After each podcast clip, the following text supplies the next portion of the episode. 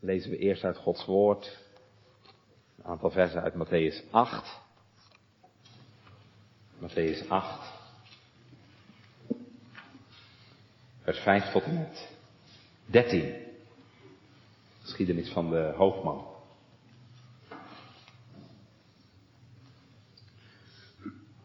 Als nu Jezus Capernaum binnengegaan was, kwam tot hem een hoofdman over honderd, biddende hem en zeggende, Heere, mijn knecht ligt te huis geraakt, lijdt zware pijnen. En Jezus zeide tot hem, ik zal komen en hem genezen. En de hoofdman over honderd antwoordde en zeide, Heere, ik ben niet waard dat gij onder mijn dak zoudt komen, maar spreek alleen een woord en mijn knecht zal genezen worden. Want ik ben ook een mens onder de macht van anderen, hebbende onder mij soldaten. En ik zeg tot de ene ga, en hij gaat. En tot de ander kom, en hij komt. En tot mijn dienstknecht, doe dat, en hij doet het. Jezus nu dit horende, heeft zich verwonderd, en zeide tot degenen die hem volgden, Voorwaar zeg ik u, ik heb zelfs in Israël zo'n groot geloof niet gevonden.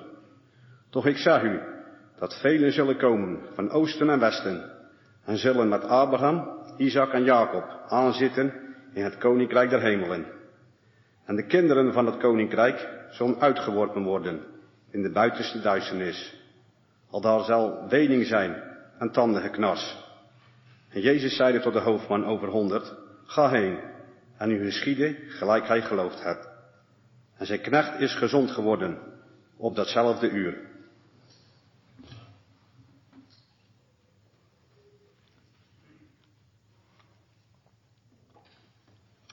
Gemeente jongens en meisjes.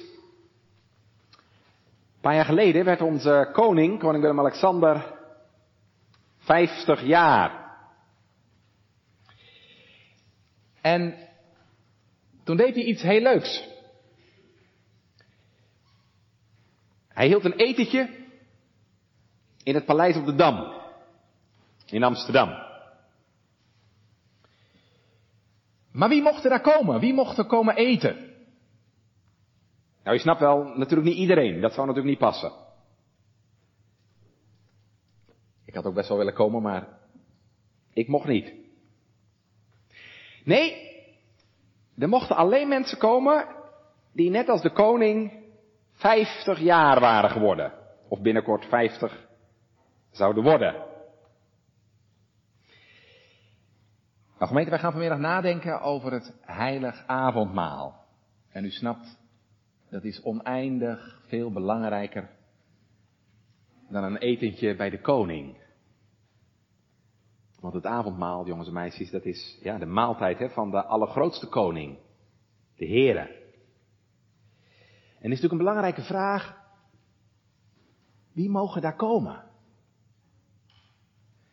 Welke mensen ontvangen een uitnodiging om bij de Heere, bij de Heer Jezus te komen eten?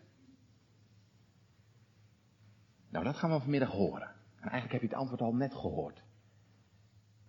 In het Bijbelverhaal wat de ouderling voorlas.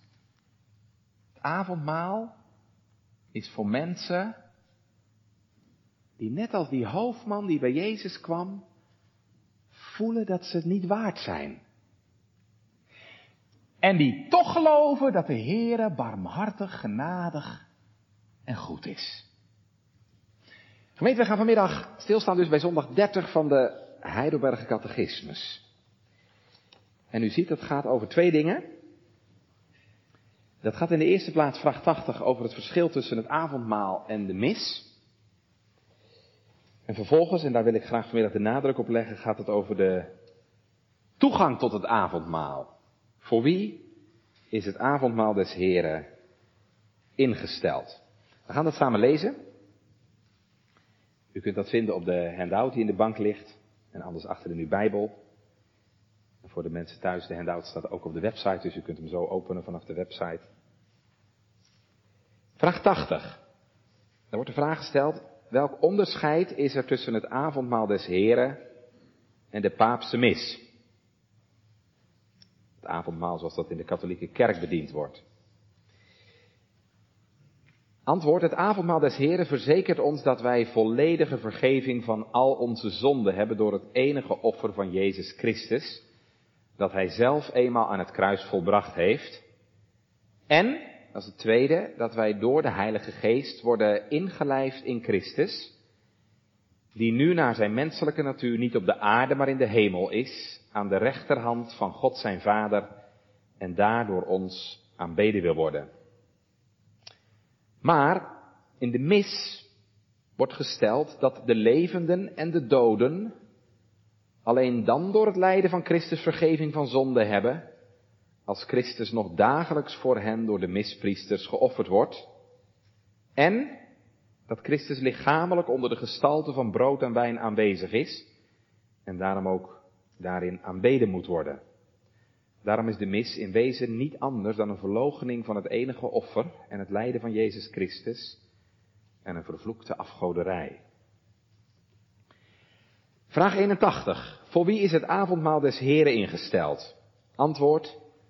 Voor hen die vanwege hun zonde zichzelf mishagen en nochtans vertrouwen dat deze hun om Christus wil vergeven zijn en dat ook hun blijvende zwakheid door zijn lijden en sterven bedekt is en die ook verlangen hun geloof meer en meer te versterken en hun leven te beteren.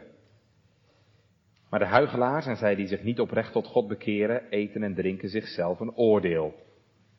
Vraag 82. Behoort men ook hen tot dit avondmaal toe te laten die zich in hun beleidenis en leven als ongelovigen en goddelozen betonen? Antwoord nee, want dan wordt het verbond van God ontheiligd en zijn toorn over de hele gemeente opgewekt.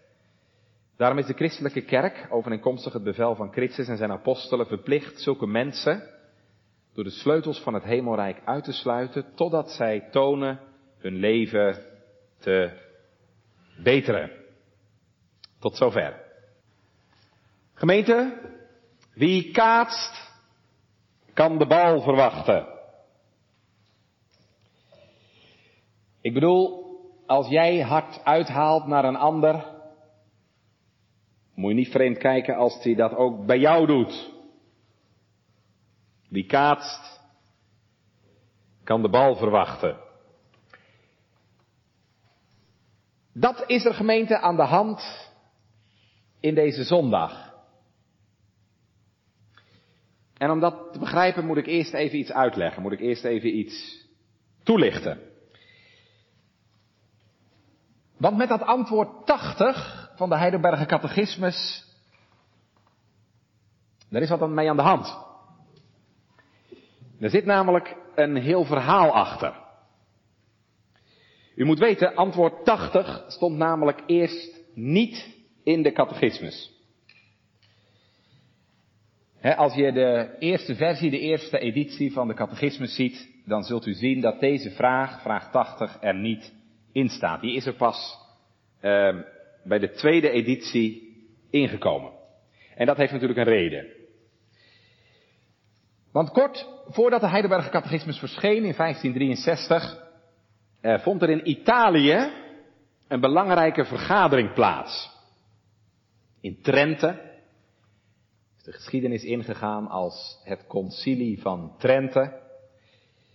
En wat is daar gebeurd? Wel, in Trente op die belangrijke kerkvergadering, waar allerlei theologen en bisschoppen bij elkaar kwamen, eh, heeft de katholieke kerk allerlei veroordelingen uitgesproken over het protestantse geloof. Dus ja, allerlei leerstellingen die Luther en Calvijn belangrijk vonden. dat je alleen door het geloof rechtvaardig wordt voor God zonder de werken. Werden daar veroordeeld. En dat gold dus ook gemeente voor hoe protestanten dachten over het avondmaal. Wie dat gelooft, anathema, die zij vervloekt. Zo staat het in de leeruitspraken van het concilie van Trent. Wie dat gelooft, die zij vervloekt. Maar toen dat bekend werd, die uitspraken van dat concilie, was de catechisme net verschenen, een paar maanden. Dus dat hadden ze niet meer mee kunnen nemen. Maar toen de tweede druk, de tweede editie kwam, hebben ze besloten dus ja, daar alsnog op in te gaan. En dat is wat je leest in vraag en antwoord 80. En u hoort het wel net, dat is een heel scherp antwoord. Dat zijn we Eigenlijk niet zo gewend van de catechismus. Heidelberg catechismus is over het algemeen heel mild. Maar bij deze zondag dus een hele scherpe, felle reactie. En met wat ik u net verteld heb, wie dit gelooft, die zij vervloekt, snapt u ook de scherpte van deze reactie en de scherpte van dit antwoord. Het gaat in deze vraag om het verschil tussen het avondmaal en de paapse mis. Welk onderscheid is er tussen het avondmaal des Heren en de paapse mis? Wat is dat? De paapse mis. Nou, paaps komt van het Latijnse woord papa. En papa is een titel van de paus. Vader, heilige vader. Dus het gaat hier over de pauselijke mis. En mis, hè, dat weet u wel, dat is het woord dat katholieke mensen gebruiken voor het avondmaal. Wij hebben het over het heilige avondmaal, maar katholieken hebben het meestal over de mis of over de Eucharistie. En er wordt hier dus gevraagd, wat is nou het verschil tussen hoe wij het avondmaal zien en vieren en hoe de Rooms-Katholieke Kerk dat ziet? dus wat leren protestanten, wat leren katholieken over het avondmaal? Ik wil daar vanmiddag niet al te uitvoerig bij stilstaan. Het is een dienst van voorbereiding tenslotte. Maar het is natuurlijk wel goed om daar iets van te weten, denk ik. En want gemeente al is de Rooms-Katholieke Kerk in Nederland heel klein geworden. Het is wereldwijd in elk geval nog steeds de grootste kerk ter wereld. Een kerk die ook nog jaarlijks groeit. Dus goed om daar iets van te weten. Nou, dan zie je in het antwoord dat er eerst even wordt ingegaan op wat ik dan maar noemde protestantse visie op het avondmaal. Wat houdt dat in?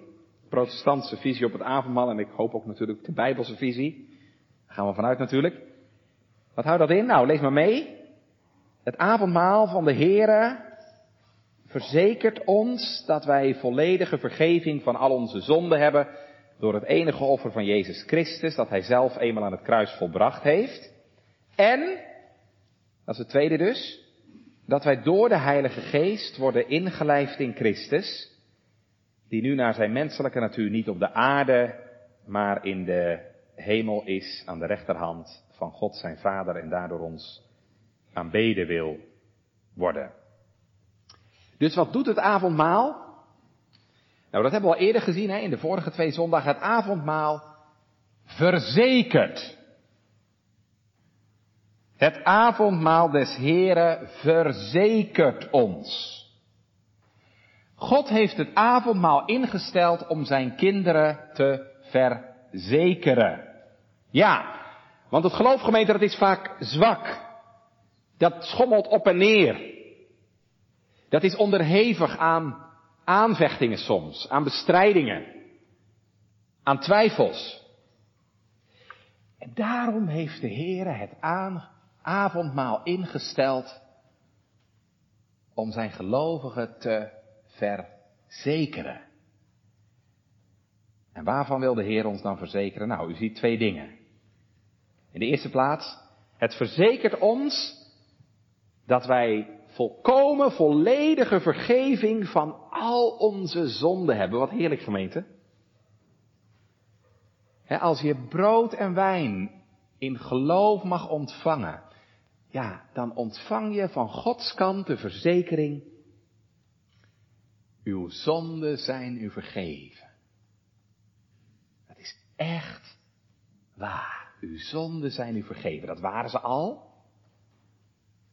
Maar ja, omdat wij steeds weer nieuwe zonden doen, zonden die je aanklagen en beschuldigen, hebben we ook steeds weer nieuwe verzekering nodig van de vergeving van onze zonden.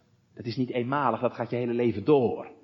Nou, het avondmaal schenkt dus die verzekering. Het verzekert ons opnieuw dat Christus met zijn offer volkomen betaald heeft voor al onze zonden. En dat het bloed van Jezus Christus, Gods Zoon, reinigt van alle zonden. Dat is het eerste. En het tweede. Het avondmaalgemeente verzekert je niet alleen maar van de vergeving van je zonde. Het verzekert de gelovige er ook van, zegt de catechismus, dat hij deel heeft aan Christus.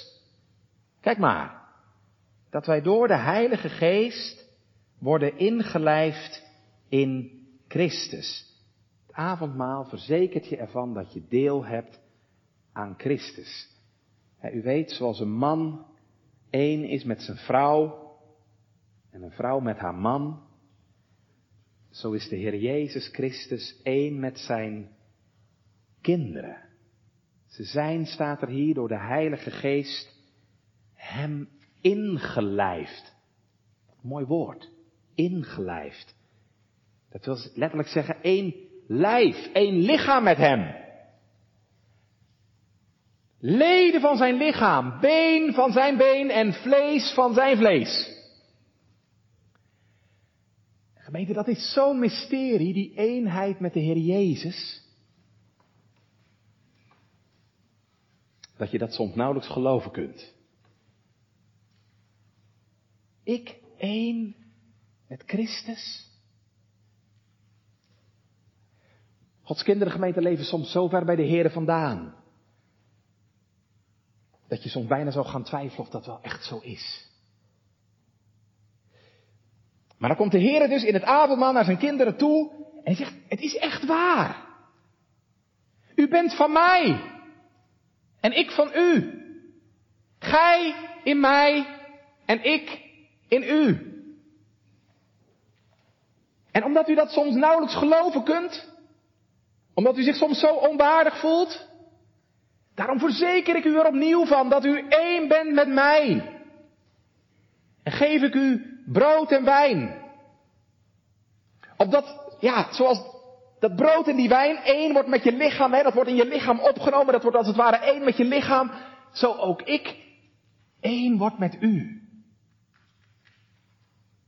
Weet je nog dat we dat ook zagen in zondag 28? Dat we steeds meer verenigd worden met zijn heilig lichaam. Wij hier op aarde, hij in de hemel en toch met elkaar verbonden. Hè, verenigd door de Heilige Geest die zowel in hem als het hoofd, als in ons als de leden woont. Maar hoe zit het nou met de mis? Ja, daar gaat het tweede deel van het antwoord over. Wat leert nou eigenlijk de Rooms-Katholieke Kerk over het avondmaal? Misschien is dat vandaag niet meer zo'n issue als toen, maar dat kan u zeggen dat het in die tijd echt een enorm issue was. Omdat ja, vrijwel iedereen hoorde bij de kerk. En je was of katholiek of je was protestant. Dus ja, dit ging eigenlijk alle mensen in Europa aan. En vandaar ook die felle discussie daarover. En dat is voor ons misschien niet meer zo belangrijk als toen. Het is nog wel goed gemeente om dit te weten. Wat de Rooms-Katholieke Kerk leert over het avondmaal. Wat leert de katholieke kerk over het avondmaal? Nou, u herinnert zich misschien nog wel van de vorige keer. Zondag 29, hè? Toen zagen we dat de Rooms-Katholieke Kerk leert dat het brood en de wijn in het avondmaal eh, veranderen in het echte lichaam en bloed van de Heer Jezus. Um, op het moment dat de priester zegt, dit is mijn lichaam, dit is mijn bloed, ja, dan, dan is de Heer Jezus daar echt met zijn lichaam en bloed aanwezig. In brood en wijn. Die, diezelfde Heer Jezus die 2000 jaar geleden aan het kruis hing, die ligt daar ook op de altaartafel in de Rooms-Katholieke Kerk. En dat niet alleen gemeente. Ze noemen dat ook een offer. Dat concilie van Trente, wat ik net al aanhaalde, hè, dat concilie van Trente zegt, dezelfde Christus die zich eenmaal aan het kruis op bloedige wijze geofferd heeft, wordt in de mis op onbloedige wijze geofferd. Hoort u het? Het kruis 2000 jaar geleden, was een bloedig offer. En dit, de mis, dat is een onbloedig offer. Moet je goed begrijpen. Dat betekent niet dat de Rooms-Katholieke Kerk zegt dat dat een soort herhaling is of zo van het offer van Jezus. Ook de Rooms-Katholieke Kerk gelooft gelukkig dat dat iets eenmaligs is. Maar zeggen zij, als de mis wordt bediend, dan wordt dat offer van Jezus, dat offer wat 2000 jaar geleden gebracht is, dat wordt als het ware, nee niet als het ware, maar dat is echt ook zo, dat wordt in het hier en nu getrokken. Dat wordt als het ware geactualiseerd. Nou, ik denk gemeente dat we eerlijk moeten zeggen, dat is niet de manier waarop de Bijbel erover spreekt. Niet de manier waarop de Bijbel over het avondmaal spreekt. Wij gedenken natuurlijk wel het offer van de Heer Jezus in het avondmaal, maar wij offeren Christus niet. Nee, want dat is gebeurd en dat hoeft niet meer te gebeuren. vandaar dat de catechisme, kijk maar even mee, aan het begin van het antwoord ook heel nadrukkelijk spreekt? Um, regel 2, over het enige offer van Christus. Dat hij zelf eenmaal aan het kruis volbracht heeft. er is maar één offer. En dat is eens en voorgoed gebracht op Golgotha. Maar de Rooms-Katholieke Kerk gelooft dus dat bij elke misviering dat offer van de Heer Jezus ja, letterlijk aanwezig is. En ook, en ook dat elke keer als die mis gevierd wordt, dat dat ook effect heeft. Dat dat zorgt voor vergeving en verzoening. En dan niet alleen maar voor de mensen die daar deelnemen, de levenden. Maar dat heeft zelfs effect, zegt de Rooms-Katholieke Kerk, dat heeft zelfs effect voor de doden. De mensen die al gestorven zijn. En vandaar dat de Rooms-Katholieke Kerk ook missen kent voor de doden. Dat zou ik heel vreemd vinden, hè? Het avondmaal dat vier je toch met levende mensen. Nou, in de Rooms-Katholieke Kerk heb je ook missen voor de doden. Waarom doen ze dat? Dat heeft een reden. Zij geloven namelijk dat ja, niet iedereen gelijk in de hemel terechtkomt. Dat de meeste mensen vaak nog een lange periode in het vage vuur moeten doorbrengen. Om ja, uh, gewassen en gereinigd te worden van je overige zonden.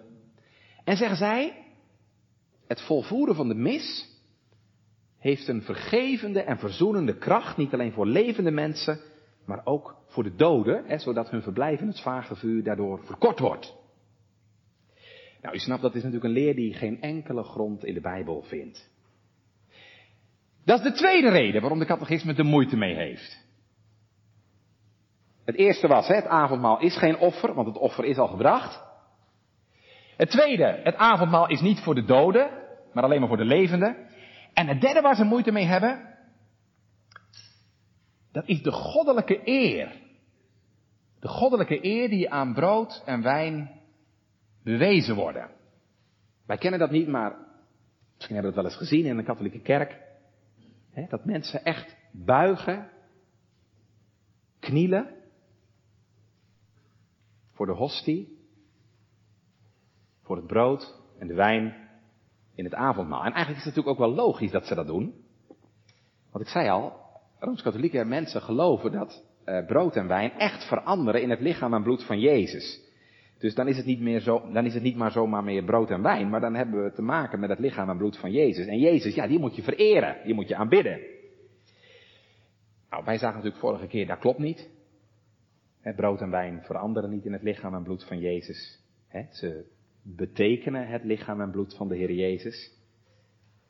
Blijft gewoon brood en het blijft gewoon wijn.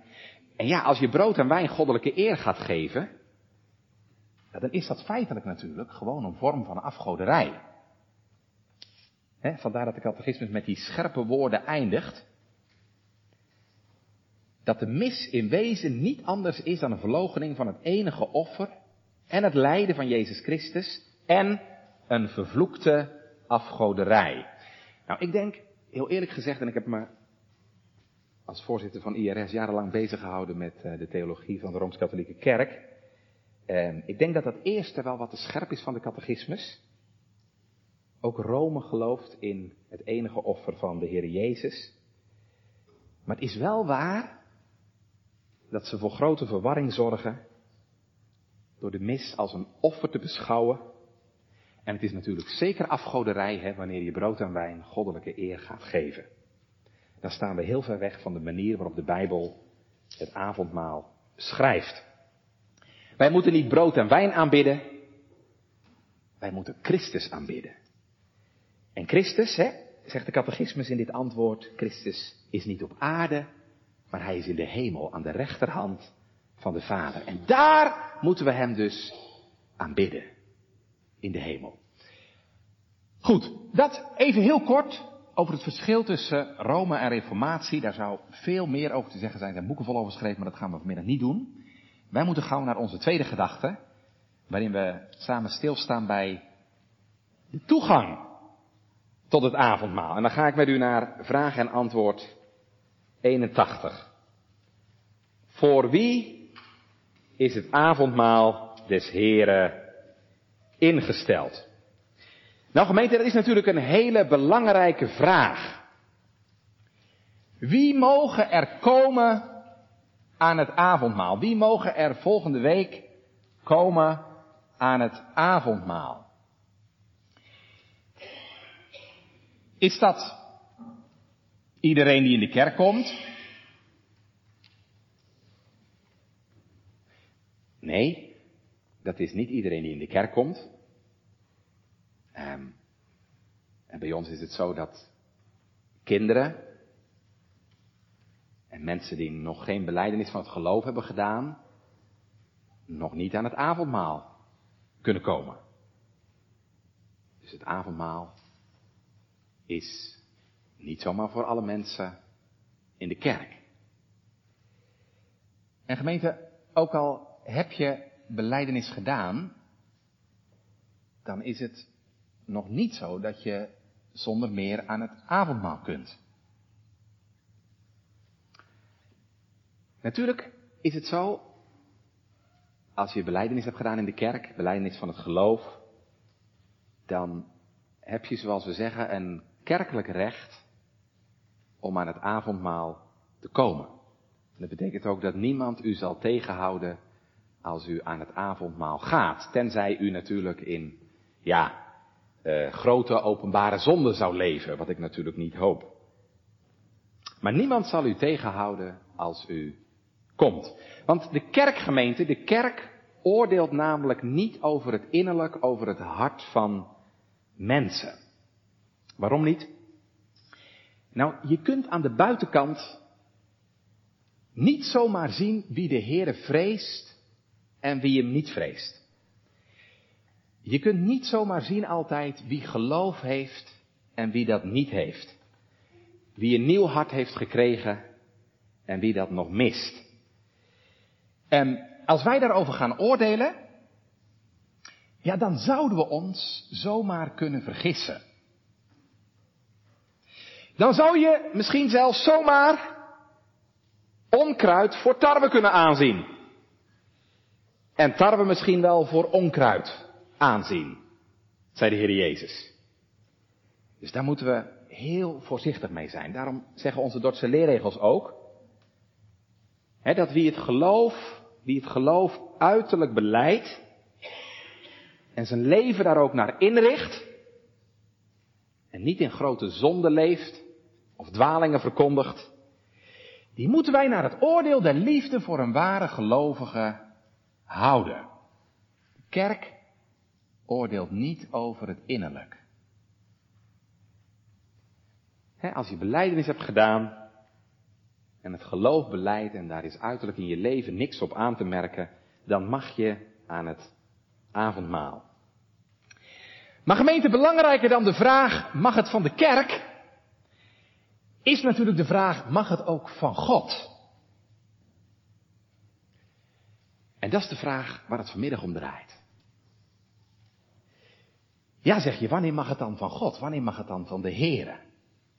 Nou, dat is de vraag waar ik catechismus vanmiddag een antwoord op geef. Lees even mee. Deze belangrijke vraag en antwoord. Voor wie is het avondmaal des Heren ingesteld? En we luisteren naar het antwoord. Dat is voor hen die vanwege hun zonde zichzelf mishagen en nochtans vertrouwen dat deze hun om Christus wil vergeven zijn en dat ook hun blijvende zwakheid door zijn lijden en sterven bedekt is. En die ook verlangen hun geloof meer en meer te versterken en hun leven te beteren. Wat is er nodig? Wat dienen we te kennen om deel te kunnen nemen aan het avondmaal? De catechismus zegt drie dingen. Nou, dat kent u natuurlijk wel. Die drie, dingen, want dat zijn dezelfde drie dingen waar de catechismus ook mee begint, hè? Weet u nog? Hoeveel dingen zijn u nodig om in deze troost te leven en te sterven? Drie dingen, weet u nog? Ik moet weten hoe groot mijn zonde en ellende zijn. Ik moet weten hoe ik van mijn zonde en ellende verlost word. En ik moet weten hoe ik God voor die verlossing dankbaar zal zijn. Of anders gezegd, gemeente, nou gebruik ik als ezelbruggetje maar even drie V's. Het gaat om verootmoediging. Het gaat om vertrouwen. En het gaat om verlangen. Verootmoediging, vertrouwen en verlangen. Verlangen naar een heilig leven. En ik wil dat alle drie even met u langslopen. Het eerste wat je nodig hebt, zegt de catechismus, is dat we vanwege onze zonde onszelf mishagen. Nou, dat is een woord wat we niet elke dag gebruiken, mishagen. Wat betekent dat? Wel gemeente, mishagen, dat betekent dat je met,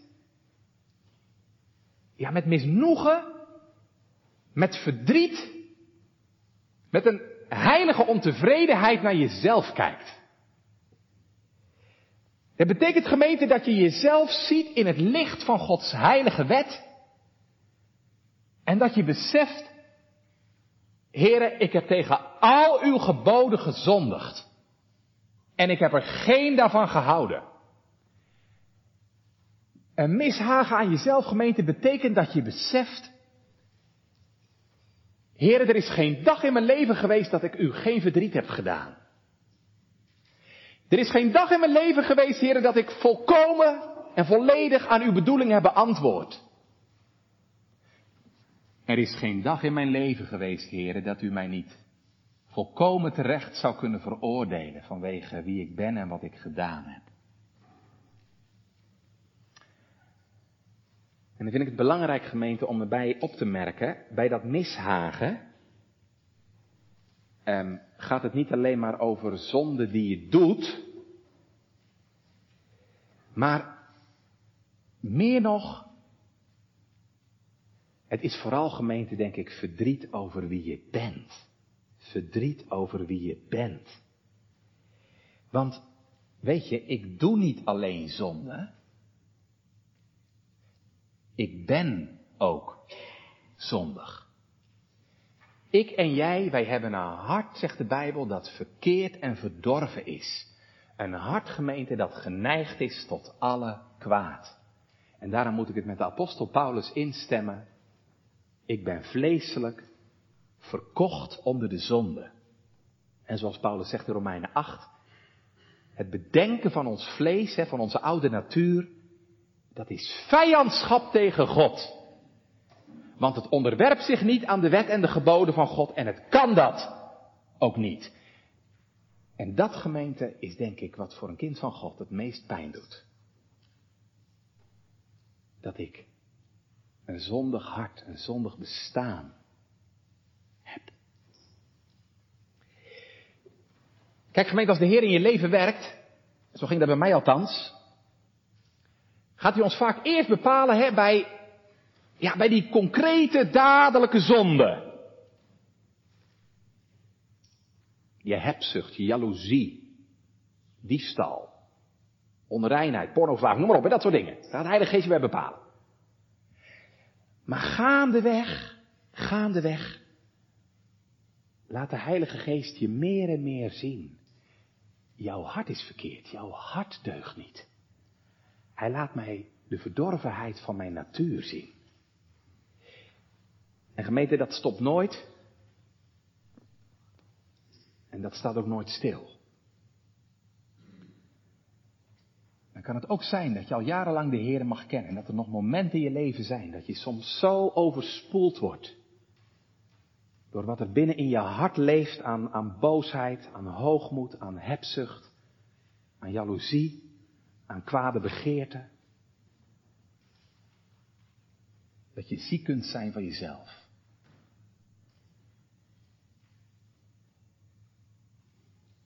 Soms denk je wel dat het een gepasseerd station is. Maar ik had afgelopen zomervakantie gemeente momenten dat de Heilige Geest mij dingen liet zien waar ik zo van schrok.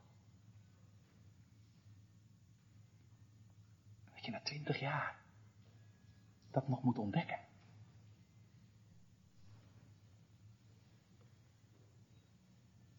Paulus roept uit in Romeinen 7, ik ellendig mens. Wie zal mij verlossen van het lichaam deze doods? We lezen in Ezekiel 20 dat de Heere zegt, en dat zijn hele sterke woorden, maar ze staan in de Bijbelgemeente, dat de Heere zegt, gij zult van uzelf een walging hebben over al uw boosheden die gij gedaan hebt. En dan moet je goed begrijpen, als de Heer zegt, je zult een walging hebben van jezelf, dan gaat het er natuurlijk niet om dat je jezelf moet verachten of zo. Maar het gaat er wel om, gemeente, dat we de zonde en de zondige natuur die in ons woont verachten en daarvan walgen. net zoals je soms dingen hebt, als je die ziet en ruikt, bedorven vis of zo, en je maag er als het ware van omdraait. En je een diep gevoel van walging voelt. Gemeente, zo moet een christen ook walgen van de zonde die je doet en die in je woont. Ja, dat zorgt er natuurlijk ook voor, gemeente, dat een christen ook nooit hoge gedachten kan hebben van zichzelf. Besef van de zonde die je hebt en die je gedaan hebt en die in je woont, gemeente, dat verbreekt je. Dat maakt je nederig en arm van geest. Nou, en nu zegt de catechismus, die, zo, die zelfkennis, die zondekennis, is nodig om deel te kunnen nemen aan het avondmaal. En natuurlijk gemeente, het is niet het enige. Maar het is wel een essentieel onderdeel van de bekering tot God. En we kunnen gerust zeggen, wie dat niet kent, is nog niet tot God bekeerd. Dit is nodig, dat wij een mishagen aan onszelf hebben vanwege onze zonde. Tegelijkertijd, gemeente, zeg ik er ook gelijk bij, dit is niet genoeg. Er is meer nodig, zegt de catechismus. Alleen de kennis van je zonde zal je niet zalig maken, zal je niet redden. Ik bedoel, weten dat je ziek bent, maakt je natuurlijk nog niet beter. U moet gemeente ook het medicijn kennen. En dat is het tweede waar de catechismus op wijst. Voor wie is het avondmaal des Heren? Lees nog een keer mee. Voor hen die vanwege hun zonde zichzelf mishagen. En nochtans vertrouwen dat deze hun om Christus wil vergeven zijn. En dat ook hun blijvende zwakheid door zijn lijden en sterven bedekt is. Godvruchtige avondmaalgangersgemeente zijn niet alleen mensen die hun zonde zien en daar verdriet over hebben. Het zijn ook mensen, zegt de catechismus, die weten dat hun zonden vergeven zijn. Het zijn mensen die ondanks hun zonde en onwaardigheid hun vertrouwen hebben leren vestigen op de Heer Jezus Christus. Die geleerd hebben met al hun zonde en schuld tot Hem de toevlucht te nemen. Die geleerd hebben gemeente om te schuilen achter het bloed van het lam. En die door het getuigenis van de Heilige Geest in hun hart mogen weten, zoon, dochter, uw zonden zijn u vergeven. Weet u dat? Dat kunt u weten en dat moet u weten. Nochtans, zegt de catechismus. Wat betekent dat nochtans? Dat is een heel belangrijk woordje. Elke keer als ik bij mijn leermeester, dominee van de Belt, naar buiten liep, dan liep ik onder dat bordje door, nochtans. Er stond maar één woordje op, nochtans. Nou, hier heb ik nochtans. Wat betekent dat? ondanks dat je je zo onwaardig voelt. Ondanks dat je zo'n mishaag aan jezelf hebt. Ondanks dat de zonde zo'n pijn doet in je leven en je er zo'n verdriet over hebt. Ondanks dat vertrouw je je toch aan Christus toe. Ja, dat is een wonder. Dat is ook een wonder. Een wonder van genade, gemeente. Als je ondanks je zonde en verlorenheid en je schuld en je zonde je aan Christus mag toevertrouwen. Wat een wonder. Als je in plaats van voor die heilige God weg te lopen en je te verstoppen, en zoals wij altijd geneigd zijn te doen, je niet meer bij hem wegvlucht, maar naar hem toevlucht. Als je ondanks je zonde, ondanks je onwaardigheid, op hem vertrouwt, op hem alleen. Niet meer vertrouwt op jezelf en je goedheid, maar je in al je nood en verlorenheid in zijn armen mag werpen. Omdat je gelooft, deze ontvangt de zondaren en eet met hen. Omdat je gelooft, ik ben niet gekomen om te roepen rechtvaardigen, maar zondaars tot bekering. En heren, dat ben ik. En daarom kom ik tot u. Zoals ik ben, o lam van God, ik kom. Nou, als je dat doet, dat hebt gedaan en dat steeds weer doet, dan zijn al uw zonden vergeven. En dan wordt al je zwakheid, zegt de catechismus, dan wordt al je zwakheid die je nog steeds hebt en elke dag voelt, die wordt bedekt met het lijden en sterven van de Heer Jezus zodat als jij zucht onder je zonde en je zondige hart, de Vader zegt, maar toch zie ik het niet meer. Want hij ziet op Jezus, op zijn lijden en sterven, dat al die zonde en al die slechtheid bedekt. Dat is het evangelie. En dan het derde gemeente, wat bij een godvruchtige avondmaalganger hoort. Verootmoediging, vertrouwen. En het derde is verlangen. Kijk maar. En die ook verlangen hun geloof meer en meer te versterken en hun leven te beteren. Dus ja, een christen, gemeente, verlangt dus naar twee dingen. En verlangt naar een sterk geloof en naar een beter leven, naar een heilig leven. En verlang naar een sterk geloof. En daarom bid je, Heere, vervul mij met uw geest. Kom mijn ongeloof te hulp. Daarom vlucht je dagelijks tot Jezus. Opdat Hij zijn leven en zijn kracht in mij geeft. Zodat het geloof sterk en levend mag zijn. Gezond en krachtig. En een heilig leven sterker geloof en een heilig leven. Een verlangen gemeente om steeds beter te leven en je leven te beteren. Dat is de paradox van een christengemeente. Al voel je je aan de ene kant een steeds grotere zondaar. Ja? Al voel je jezelf een steeds grotere zondaar, je gaat toch minder zonde doen. Want er is in je hart, naast die droefheid over de zonde, die er nog steeds is, is er ook een verlangen om heilig te mogen leven. En al is de praktijk vaak weer barstig. En al is het soms meer verlangen dan werkelijkheid. Kun je soms toch van harte zeggen. Heere, neem mijn leven. Neem het maar, Heer, en laat het toegewijd zijn aan uw eer. En soms is dat niet alleen maar je gebed, neem mijn leven. Maar mag je het soms ook echt van harte zingen.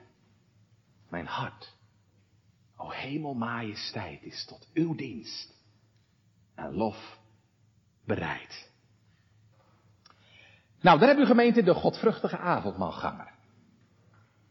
Hier zien we vanmiddag voor wie de Heere zijn heilig avondmaal heeft ingesteld. Ja, en zo wordt natuurlijk ook gelijk duidelijk voor wie het niet is ingesteld. Dat zien we ook in deze zondag. De catechismus vertelt niet alleen maar wie er deel mogen nemen, maar vertelt ook wie er niet deel kunnen nemen. Um, ga ik even naar het eind van het antwoord en dan lees ik vervolgens vraag 82 er gelijk bij. Maar de huigelaars, en zij die zich niet oprecht tot God bekeren, eten en drinken zichzelf een oordeel. En dan vervolgens vraag 82, behoort men ook hen tot dit avondmaal toe te laten die zich in hun beleidnis en leven als ongelovig en goddelozen betonen? Antwoord nee, want dan wordt het verbond van God ontheiligd en zijn toorn over de hele gemeente opgewekt. Daarom heeft de christelijke kerk overeenkomstig het bevel van Christus en zijn apostelen verplicht zulke mensen door de sleutels van het hemelrijk uit te sluiten totdat zij tonen hun leven te beteren. Welke mensen horen er nou niet aan het avondmaal? Gemeente, dat zijn in de eerste plaats de openbare zondaars. Daar ging het over in die vraag 82 daarnet, hè? Wat zijn dat de openbare zondaars? Nou ja, dat zijn mensen die wel bij de kerk horen, maar bij wie hun beleidenis en hun leven daarmee in tegenspraak is. Waar moet u dan aan denken? Nou, dan moet je bijvoorbeeld denken aan mensen die dwalingen verkondigen. Die, eh, ik heb dat in Sliedrecht meegemaakt. Die beweerden dat uiteindelijk alle mensen gered worden. Dwaling. Maar die openbare zondagsgemeente, dat zijn ook mensen die een goddeloze levenswandel vertonen. Een goddeloze levenswandel waar andere mensen aanstoot aan nemen. dus ja, dat je tot, uh, tot drie uur in de nacht meedoet aan het uitgaansleven en de volgende dag in de kerk zit. Zodat je vrienden zeggen, waar hoort hij nou bij? Ik heb het toch niet over jou? Of mensen die overspel en ontucht bedrijven. Zodat de mensen erover praten. Of die door bedrog en list zichzelf verrijken. Zodat het personeel zegt, zit die nou in de kerk? Dus gemeente, het is even belangrijk, bij die openbare zonde gaat het dus niet om de verborgen zonde, die wij allemaal hebben en elke dag doen, maar die we gelukkig meestal van elkaar niet weten. Hè? Verborgen zonde, die moet je aan de Heer beleiden. Nee, het gaat hier echt om grove, uiterlijke zonden, die ook voor anderen en ook voor niet-kerkmensen zichtbaar zijn en ja, voor aanstoot zorgen.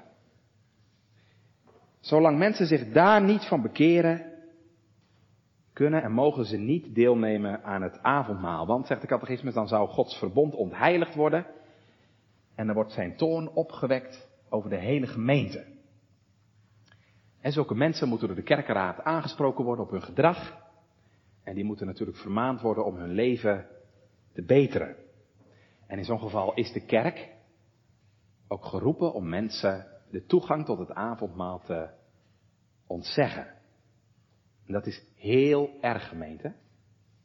Want als de kerk zegt dat je niet kunt deelnemen aan het avondmaal, betekent dat dat je feitelijk buiten het koninkrijk van God staat. Nou, ik laat het nou even liggen vanmiddag, want dat is een heel veld apart. Dan komen we op het terrein van de tucht. En daar gaat het in de volgende zondag over, in zondag 31. Dus dat bewaren we nog even voor de volgende keer. Dan is er ook nog een tweede categorie, zegt de catechismus, die niet mag deelnemen aan het avondmaal. Wie zijn dat? Nou, die vindt u aan het eind van antwoord 81. Dat zijn zij, dat zijn de huigelaars.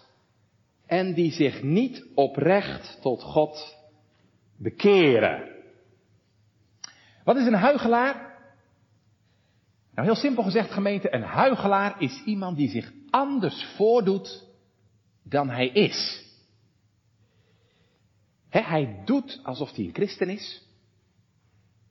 En misschien gaat hij ook wel aan het avondmaal. Maar zijn hart is niet recht voor God. Hij kent deze drie dingen niet, die de catechismus hier noemt. Hij heeft geen mishagen aan zichzelf vanwege zijn zonde. Hij kent geen droefheid en verdriet over zijn zonde en zijn zondige aard. Hij beleidt niet van harte zoals de verloren zoon zei, Vader, ik heb gezondigd tegen de hemel en tegen u en ben niet meer waard uw kind te zijn.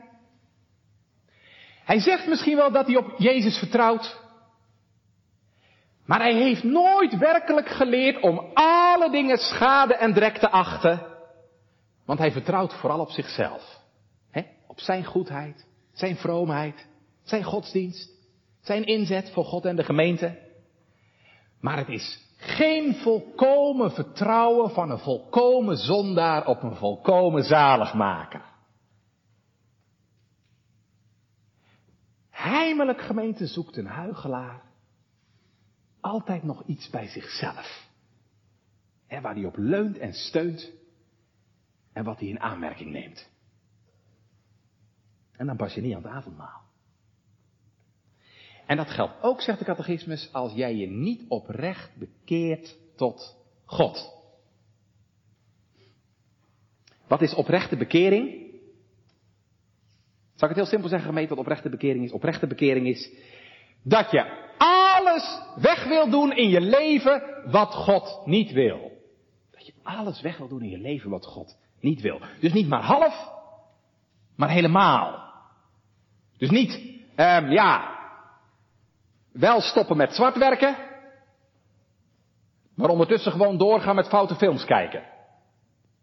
Ja, dat is natuurlijk een halve bekering. En dat deugt niet. Het is alles of niks. De Heer wil gemeente dat wij breken met alle zonden. En dan niet alleen maar met de zonden die ons aanstaan. Waarvan we denken, nou ja, dat lukt me nog wel. Nee, God wil dat je breekt met alle zonden. En als je niet wil breken met de zonde, hè, wie toch gemeente een verborgen verslaving of zo aan de hand houdt, en dan toch aangaat aan het avondmaal, die eet en drinkt zichzelf een oordeel. Aangrijpende woorden. Moet u goed opletten, er staat niet het oordeel, het eeuwige oordeel.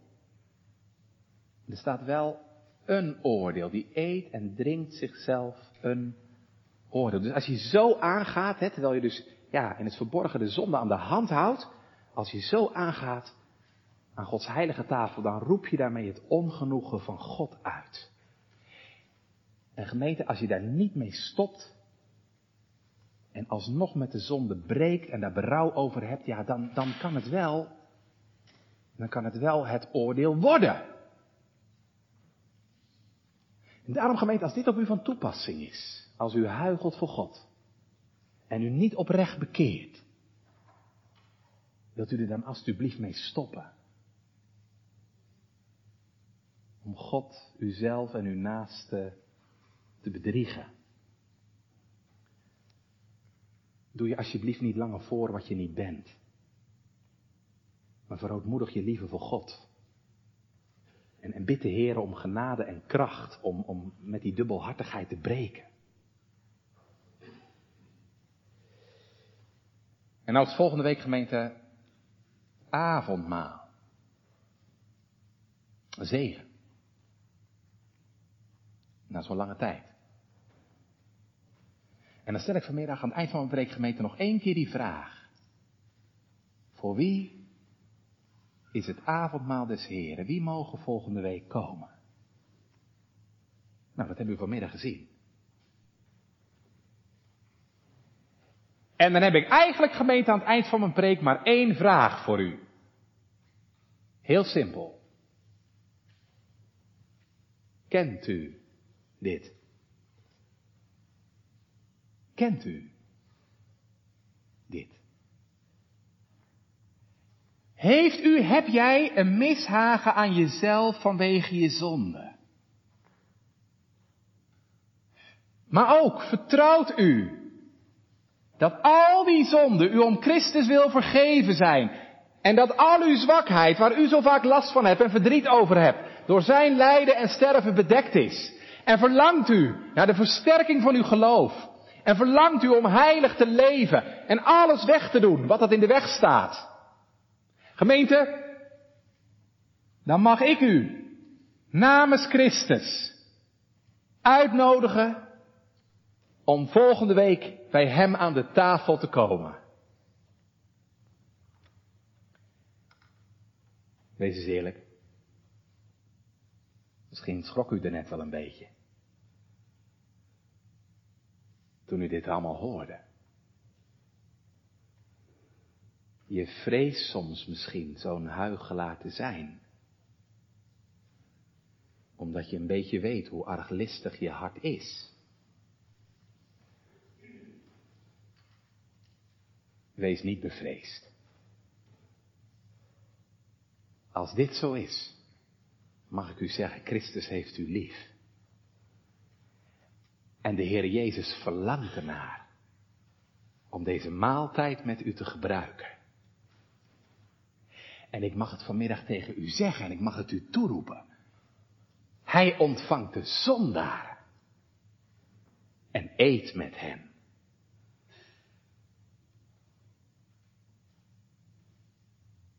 De Engelse dominee J.C. Ryle, ik heb het op de handout gezet, ik vond dat zo'n mooie uitspraak, zegt.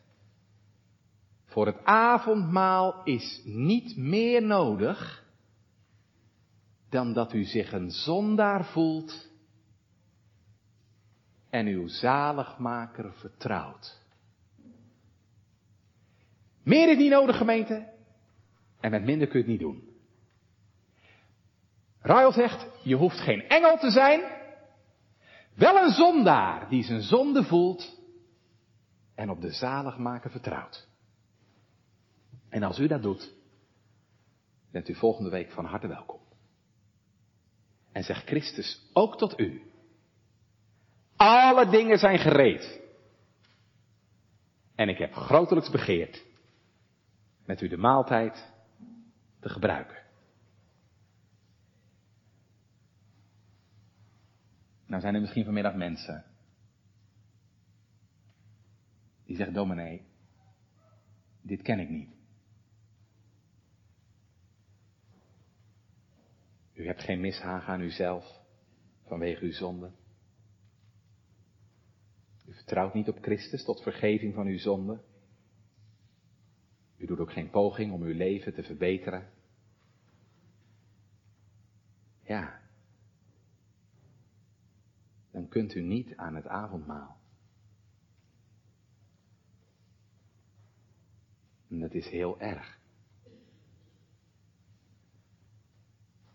Want weet je wat dat betekent? Dat betekent eigenlijk ook gemeente, dan kunt u ook nog niet sterven. Nee.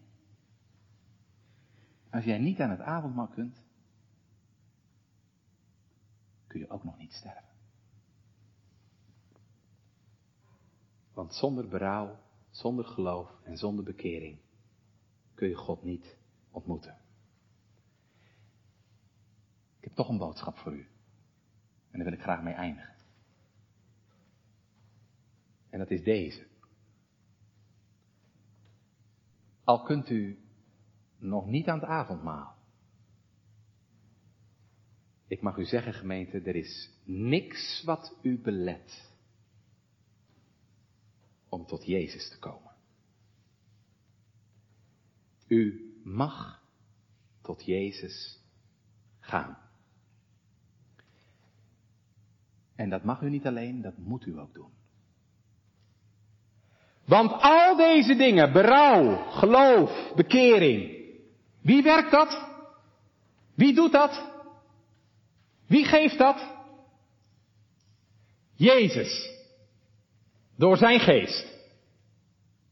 En pas toch gehoord, hè? Handeling 5. Hij is verhoogd om te geven bekering en vergeving van zonde. U moet bij Jezus zijn. En gemeente, er is niets wat u let om tot Jezus te gaan. Ook voor u geldt, deze ontvangt de zondaren. En daarom wil ik tegen u zeggen, Wend u tot Jezus. Bid om de Heilige Geest. En neem uw bekering nu eindelijk eens ter hand, gemeente. Als u dat nog niet doet. Bedenk je zonde in het licht van de wet. Besef je behoefte aan een redder en zaligmaker. Verschuil je toch niet langer achter je onmacht, want gemeente, het is helemaal niet uw onmacht, het is uw onwil en uw ongeloof. Waarom u nog steeds niet bekeerd bent en niet aan het avondmaal kunt. En dat ligt niet aan God, dat ligt aan uzelf. Maar zou Jezus daar geen raad mee weten? Dat weet hij zeker, gemeente. En daarom heb ik toch een boodschap van hoop. Ook voor u. Niet avondmaalganger. Jezus leeft. En hij schenkt ons alles wat wij nodig hebben. Berouw, geloof en bekering. En ja, dan heb je het bruiloftskleed, hè? Dan heb je het bruiloftskleed wat je nodig hebt. En ik mag u zeggen, gemeente, dat kan de Heere u deze week nog geven. Opdat ook u, ook jij, zijn naam mag beleiden. En smaken en proeven dat de Heere goed is. Amen.